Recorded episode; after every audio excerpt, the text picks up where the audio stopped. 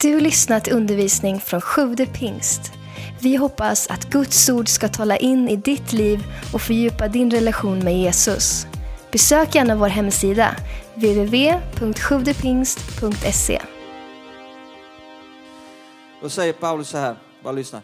Jag planterade, kan han säga planterade? Jag planterade, Apollos vattnade, men Gud gav växten. Det är det bibelstället jag vill börja med. Vi ska också läsa ett till och det tror jag är rätt. Apostlagärningarna 15. Apostlagärningarna 15. Från vers 41. Och så läser vi in i kapitel 16. Då står det, han, Paulus, reste genom Syrien och Cilicien och styrkte församlingarna. Paulus kom också till Derbe och Lystra, där fanns en lärjunge som hette Timoteus, han var son till en troende judinna och hans far var grek. Bröderna i Lystra och Ikonium talade väl om Timoteus. Eftersom Paulus ville ha honom med på resan tog han honom, tog han och omskar honom av hänsyn till judarna i de trakterna, ty alla kände de till att hans far var grek. När de reste genom städerna överlämnade de åt bröderna de föreskrifter som apostlarna och de äldste i Jerusalem hade fastställt och församlingarna, så talas om församlingarna igen, stärktes i tron. Och titta, antalet troende ökade för varje dag. Wow, vilken tid. Jag älskar visionsgudstjänst. Att få tala ut vision, att få tala om vad vi ser ligger framför. Du vet, man behöver ju inte ta fram plånboken för att visionera, det är det som är det fina med visionsgudstjänst. Man behöver liksom inte betala 500 spänn för att få visionera. Man behöver inte heller ha alla svar. Man har en dröm, man har en vision eh, som handlar om det som ligger framför. Och därför så bara älskar jag visionsgudstjänst. Eh, och vad är det då vi ser när vi blickar in i framtiden? Ja, det kan vara mycket och jag vill inte ta allt, utan jag vill fokusera på framför allt en sak nu då, och som också då är vår sjunde målsättning för just det här året 2017. Eh, vad är det vi ser när vi blickar in i framtiden? Jo, en sak som jag ser är en ny våg av församlingsplantering över hela Sverige och att vi är en konkret del i det. Jag ser det. Eh, här läser vi om Paulus, han säger, jag planterade. Och det är det vi ska tala om idag, församlingsplantering. Paulus han planterade evangeliet. Och han planterade mängder utav församlingar. Här ser vi honom hur han eh, på sin andra missionsresa besöker alla de eh, församlingar som han hade startat under den första missionsresan och styrker dem. Och sen så ser vi hur han drar vidare för att starta upp nya verk på många platser. Eh, min första sak som jag vill lyfta här idag är att pingstväckelsen i Sverige är en församlingsplanterande rörelse.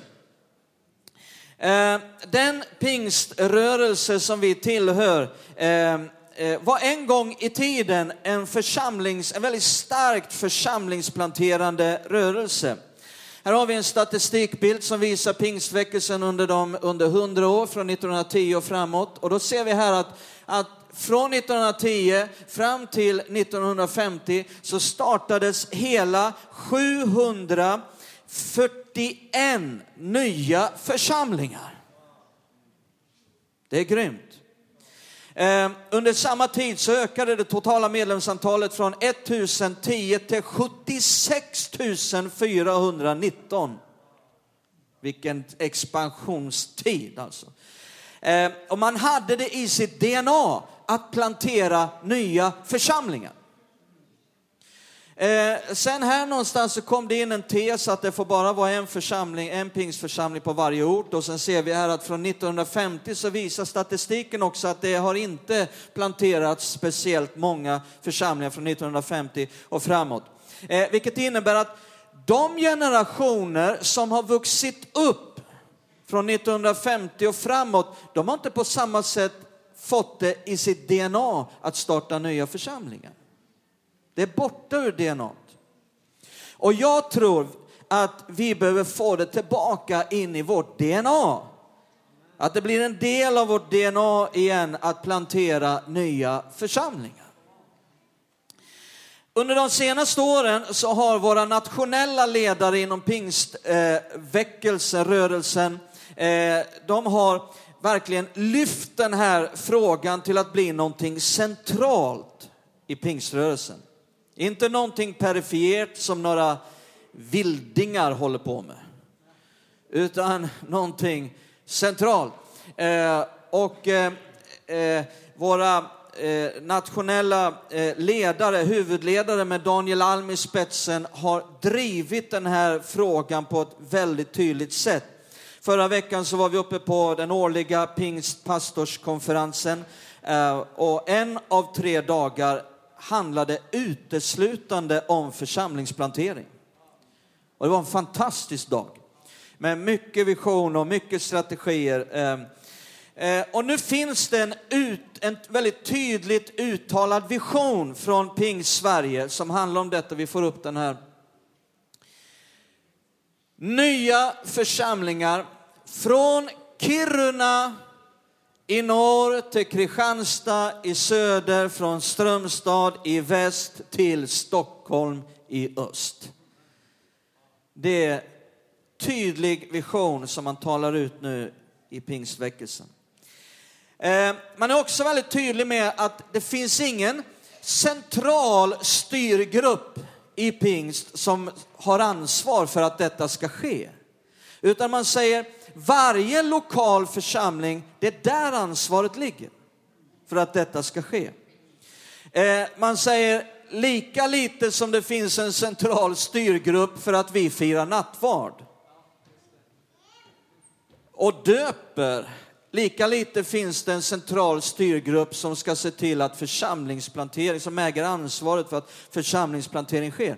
Eh, man säger lika naturligt som det ska vara för en lokal församling att fira nattvard och ha dop. Lika naturligt ska det vara att man planterar nya församlingar. Det är starkt. Tycker det är härligt. Då kommer nästa fråga nu då. Varför? Det är väldigt viktigt att fråga sig varför. Det är en fråga jag ställer väldigt ofta i alla möjliga sammanhang. Varför? Varför eh, behöver vi då en, en, ny våg av församlingsplantering? Det har varit vågrörelser här i Ni räknade med ett sprut där. Nu kommer Sven att bli helt överöst med bubbelvatten. Vi ska läsa i Johannes 4, vers 39 till 42.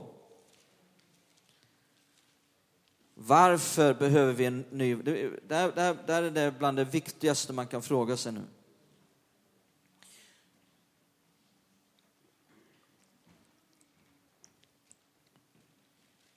Jesus är här där rabbiner och skriftlärde och judar inte fick vara i Samarien på en liten extra missionstripp. Johannes 4, 39 och framåt. Många samariter från den staden kom till tro på honom genom kvinnans ord. Då hon vittnade, hon har sagt mig allt vad han, han har sagt mig allt vad jag har gjort. När samariterna kom till honom bad de att han skulle stanna kvar hos dem och han stannade där två dagar.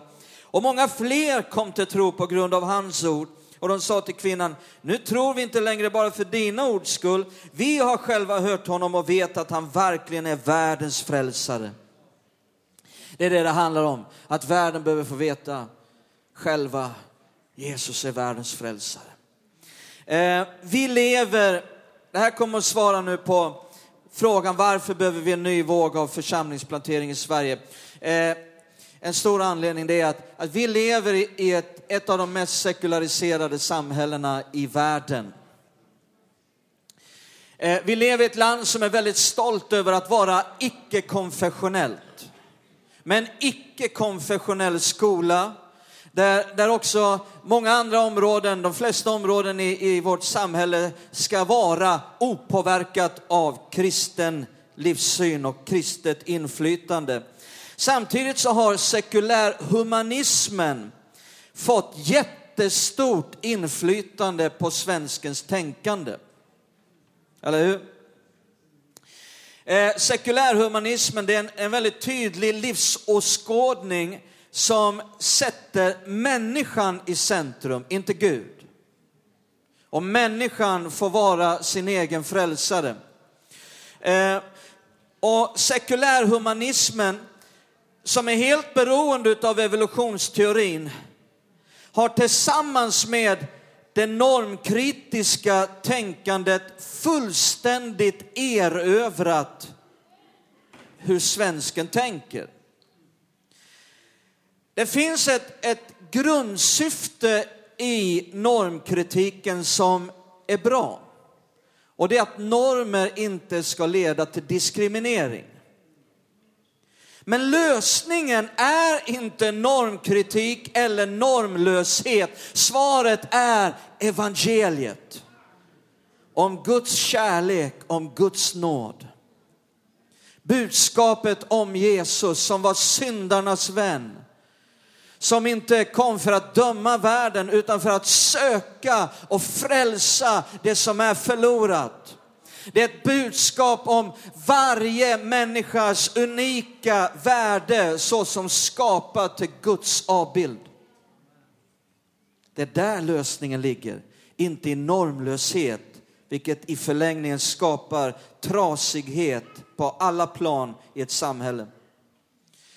Effekten utav sekulärhumanismen, den ideologin tillsammans med normkritiken, Eh, att det har genomsyrat vårt samhälle under 40 år. Det märks i väldigt mycket statistik som handlar om hur svensken mår. Under dessa, de senaste 40 åren så kan man se hur statistiken över antal skilsmässor har ökat lavinartat. Bara de sista fyra åren så har antalet sjukskrivningar som beror på utbrändhet, utmattning, stress ökat med 70 procent på fyra år. Svensken mår sämre än någonsin. Lyssna på det här, i budgetpropositionen för 2016 finns med en satsning för att möta den psykiska ohälsan bland barn och unga. Som kan förstås mot bakgrund av återkommande rapporter om att svenska ungdomar mår allt sämre. Sambandet mellan allt detta och det sekulärhumanistiska normkritiska tänkandet går faktiskt att vetenskapligt klargöra. Jag ska inte göra det här idag. Det är inte det vi ska tala om och ta tid med. Men det jag vill säga är nu att i detta samhälle som vi har i Sverige så är det väldigt få. Och ibland, alltså människor har väldigt, väldigt liten kunskap om vem Jesus är. Och ibland ingen kunskap om vem Jesus är i det här samhället som vi har skapat. Sverige behöver nås av världens bästa budskap. Budskapet om Jesus. Och all svensk och internationell statistik som handlar om församlingsplantering visar väldigt tydligt att församlingsplantering är den bästa evangelisationsstrategin. Vet du vad? Församlingen är bästa evangelisten. All statistik, både internationellt och även i Sverige, visar på att nya församlingar vinner fler människor. Vi får upp en bild här också på det, eh, ett cirkeldiagram. Här är en bild som visar till vänster medlemmar i pingströrelsen, var de befinner sig. Till vänster så ser vi att 6 procent befinner sig i nybildade församlingar. Resten är med i etablerade församlingar. Om vi nu tittar till höger så ser vi var människor blir döpta, att hela 20 procent av de som blev döpta under 2015 i pingströrelsen blev det i de 6 procenten. Hänger ni med? Det visar på att nya församlingar vinner fler människor. Och då kan man då fråga sig, varför då? Varför är det så? Ja, det, det, det finns, jag ska ge ett par, eh, det finns flera förklaringar, men, men eh, jag ska ge ett par stycken. Um, det första är helt enkelt att när en, ett litet team som består av några få människor tar ett nytt initiativ, då hänger ju allt på dem. Det är dem. Det finns inga andra som ska göra jobbet. Det är dem som måste vinna människor. Om någon ska komma till tro, om någon ska bli döpt, om någon ska bli frälst, det hänger på dem.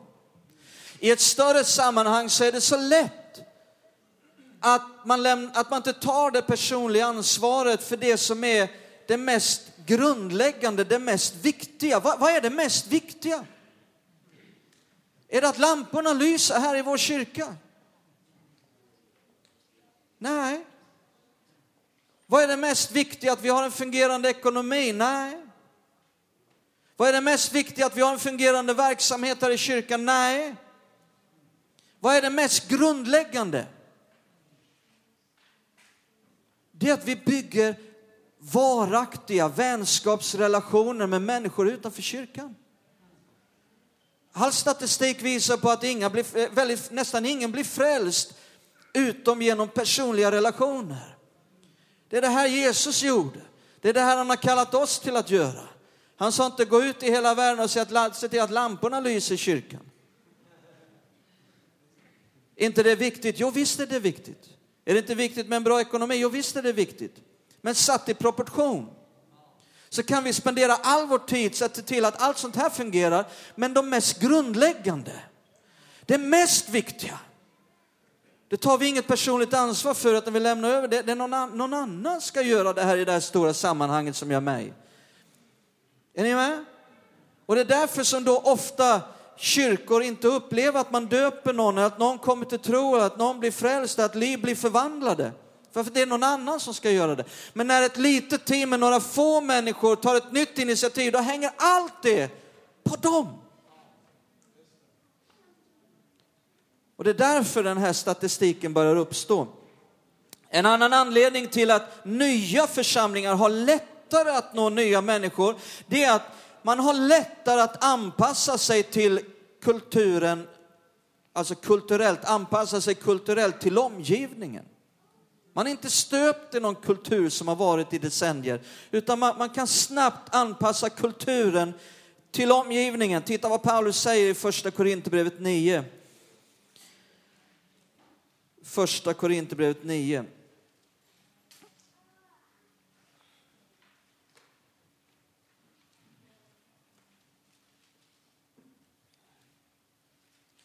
Och vers 19. Eftersom jag är fri och oberoende av alla har jag gjort mig till allas tjänare för att vinna desto fler. Ser ni han talar om att vinna människor. Han har sånt fokus på att vinna människor. Och det är samma brev här som vi läste tidigare där han, där han sa jag planterade. Och så läser vi vidare i vers 20. För judarna har jag blivit som en jude för att vinna judar. För de som står under lagen har jag som inte själv står under lagen blivit som den som står under lagen för att vinna de som står under lagen. För de som är utan lag har jag blivit som de som är utan lag för att vinna de som är utan lag. Fast jag själv inte är utan Guds lag utan lever i Kristi lag. För de svaga har jag blivit svag för att vinna de svaga. Titta nu, för alla har jag blivit allt för att jag i varje fall ska frälsa några. Allt gör jag för evangeliets skull. För att jag själv ska få del av det. Wow, vilken attityd. Ser nu hur han anpassar sig? Var, var, är jag någonstans? Vad är min omgivning? Han gjorde liksom en, en undersökning. Var, vilka har jag nu runt omkring mig? Och så anpassar och en, en, en, en, ett nytt initiativ har lättare att anpassa kulturen till, till omgivningen. Varför ska vi starta nya församlingar, nya initiativ? Ja, helt enkelt för att vinna nya människor. Det är den, den främsta anledningen och därefter kommer nästan ingen annan anledning. För att vinna nya människor. Sverige behöver evangeliseras igen. Vi behöver, lyssna min vän, vi behöver få tillbaka missionsperspektivet på vårt eget land. Sverige är ett missionsland. Vissa pratar om vita fläckar, Sverige är en stor vit fläck. Det är en stor vit fläck. Jämfört med många andra platser på jorden. Ehm, och budskapet från Pings i Sverige, det är att alla pingstförsamlingar behöver vara med och engagera sig för församlingsplantering. Om man inte själv tar nya initiativ, att man i alla fall tar det till sitt hjärta, att man ber för det, att man ger rejäla ekonomiska bidrag till det. Det här talas ut ifrån ledningen i pingst. Pingst i Sverige har också sedan länge gått ifrån den här tesen med att det får bara vara en pingstförsamling på varje ort. Istället så säger man, det behövs många nya pingstförsamlingar av olika slag på samma ort för att nå fler människor. För alla människor är ju inte lika. Alltså mer än någonsin i Sveriges historia så lever vi i ett väldigt brokigt samhälle. Ett fullständigt ohomogent samhälle. Och därför så behövs många olika typer av församlingar, nischade församlingar för att nå ibland subkulturer som ingen annan når.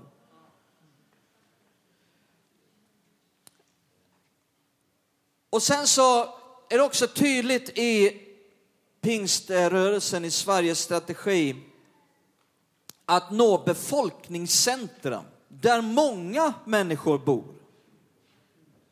Varför då? Ja, det, det är väldigt enkelt. Var är de största behoven? Är det största behovet eh, i en by där det bor 500 och det finns bara fem kristna? Eller i en stad med 30 000 där det finns 300 kristna? Var är behovet störst? Det är självklart i staden, för där finns betydligt mycket fler människor som ännu inte känner Jesus. Sverige är urbaniserat och blir bara ännu mer urbaniserat. Det är så urbaniserat liksom så jag vet i Märsta, vår sekreterare, han hette Urban Persson. Han berättade för mig att han kom till England i sitt, i sitt yrke och så skulle han vara med på någon slags konferens i sitt jobb där i, i, i London och, och så skulle han registrera sig vid receptionen och de frågade vad heter du? Ja, what's your name? Uh, my name is Person. Person? Your name Person? Yeah, my name is Person. What's your first name? Urban. Urban. Urban Person. Where are you from? Stockholm. Urban person from Stockholm.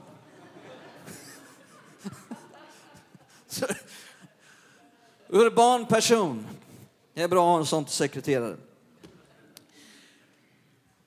Så vi drömmer om att få vara med. Vi vill vara med och ta nya initiativ. Vårt mål då för 2017 det är att redan det här året vara med på att komma igång på ett konkret sätt. Inte bara prata om det, inte bara tänka på det, utan att det får bli verkstad. Att vi kommer igång och gör det. Inte bara är hörare, Bibeln säger var inte ordets hörare utan dess görare. Och det har gått ut ett ord och jag tror att det är från Herren. Jag tror att Gud talar genom våra ledare nationellt. Jag tror att det är någonting som den helige Ande gör på ett internationellt sätt. Jag tror att, eh, och det är det vi vill vara med i. Under 2017, att vi kommer igång och blir ordets görare, att vi kommer igång på ett tydligt och konkret sätt. Nu ska inte jag gå händelserna i förväg, eh, men vi rör oss i våra tankar, vi rör oss i våra samtal eh, i ett par olika riktningar. Det vi ser framför oss, det är inte att vi ska starta flera kyrkor eller flera församlingar, utan vi tänker en kyrka på flera platser. En kyrka med flera campus, en kyrka med flera gudstjänster som når fler människor. Det är det vi ser framför oss. Eh, det finns en skillnad. Man kan vara van eh, traditionellt med att tänka utpost. Det finns en skillnad mellan det här sättet att tänka och det gamla utposttänkandet. Det finns likheter, men det finns en skillnad mellan det gamla utposttänkandet och det här sättet att tänka. En utpost, det handlar mer om någonting autonomt, eh, en, en självstyrande enhet.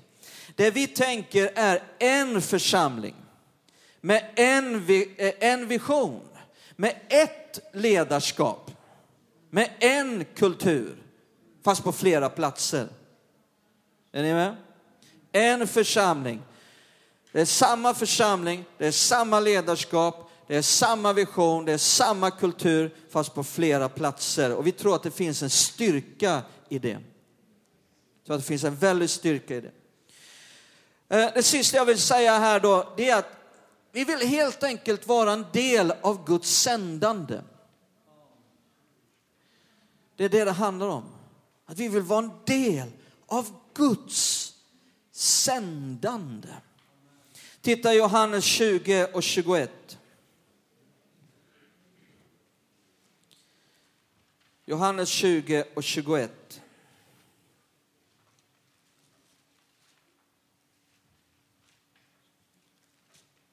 Alltså jag tror att Skövde pingst, vi kan få se mer frälsta än någonsin tidigare. Mer döpta än någonsin tidigare genom att vi multiplicerar oss. Det finns en multiplicerande tanke från Gud i hela skapelsen. Föröka er, sa Gud till Adam och Eva. Multiplicera. Ni vet, eh, Sverige blev 10 miljoner nu och befolkningen i världen växer lavinartat. Ni vet, det är en sån här kurva. Det är en multiplicerande kurva. Det är befolkningsmängden från 2000 år tillbaka, det, det går ju så här. Och sen någonstans 1850 så det går bara rakt uppför. Och det är en multiplicerande, det är en sån här exponentiell kurva. Är det någon som kan matte här inne? Jag tror vi kan få en multiplicerande effekt vad det gäller Guds rike i den sista tiden. Johannes 20 och 21. Jesus sa än en gång till dem, frid vare med er. Lyssna, som Fadern har sänt mig sänder jag er. Som Fadern har sänt mig sänder jag er. Och vad som kanske mer än något annat svarar på frågan varför ska vi göra det här? Det är att vi vill vara en del av Guds sändande. Det vill säga det som flödar ut från hans hjärta. Det som flödar ut från hans karaktär. Gud är sändande. Ska vi säga det tillsammans? Gud är sändande. Låt oss säga det igen, en gång till. Gud är sändande. Det är inte bara någonting han gör, det är hans väsen. Vi ser det genom hela gamla testamentet, genom hela nya testamentet, hela tiden. Allt ifrån eh, när Gud säger till Mose, gå till farao, gå till Israels folk. Så har han sänt, ända från begynnelsen så har han sänt människor, sina tjänare med uppdrag, med budskap. Jesaja fick lyssna in till Herren och hörde honom säga, vem ska vi sända? Vem vill gå? Vem vill gå? Jesaja sa, Herre, här är jag. Sänd mig. Och det är så vi känner just nu, här är jag, här är vi. Vi vill vara där, men vi är här. Vi vill vara där, men vi är här. Det är viktigt att vara här först. Annars kommer man aldrig där. Kommer ni ihåg fem myror fler än fyra elefanter? Här är här, där man är, där är där, där man inte är. Tack Jesus att man fick växa upp med Magnus och Brasse. Så man lärde sig sådana här saker, att för att komma dit så måste man vara här. Eh, eh, liksom. Titta på din granne och fråga, är du här? Så det är väldigt viktigt att man, man liksom kommer fram till, jag är här. Jesaja sa, jag är här. Det är väldigt viktigt att vara här. Här är jag. Det var samma sak Ananias sa när Jesus sa, Ananias, här är jag Herre. Här är jag. Då finns också förutsättningar att man kan komma där, vara där. Vi kan gå fram till Nya Testamentet. Jesus han säger till lärjungarna, gå. Då har vi sändandet. Gå ut i hela världen, predika evangelium för hela skapelsen. Och Ananias i Apostlagärningarna, här är jag. Och Jesus sa, gå till Paulus. Hela tiden det här sändandet. Och sändningen framför alla sändningar, det är naturligtvis när Gud sände sin son till världen. Det är den största av alla sändningar. Jesus är missionären med stort M. Det här är den stora sändningen och det är den sändningen som vi vill vara en del utav. Johannes säger i sitt brev att inte sände Gud sin son i världen för att döma världen, utan för att världen ska bli frälst genom honom. Det är en sändning att bli en del utav. Det grekiska ordet för sändning, vet du vad det är? Missio. Det är därifrån vi får ordet mission. Mission betyder sändning. Och vi behöver få ett missionsperspektiv på vårt eget land. Inte bara till jordens yttersta gräns, utan till Skövde vill Gud sända oss. Till Skaraborg vill Gud sända oss. Till Västergötland vill Gud sända oss och sen till jordens yttersta gräns. Någon har sagt så här, jag tycker det är bra, att en församling ska inte bedömas utifrån hur många man tar emot, utan utifrån hur många man sänder. Och må vi kunna möta Herren en dag där han frågar oss, vad gjorde ni med det jag sa? Och säger, Herre, tack för din nåd att vi fick gå med världens bästa budskap. Tack att vi fick vara med och ge hela vårt liv att gå ut med budskapet om dig och vinna så många vi kunde på så många olika sätt som möjligt. Tack för att du lyssnat. Glöm inte att du alltid är välkommen till vår kyrka. Du hittar mer info på www.sjuvdepingst.se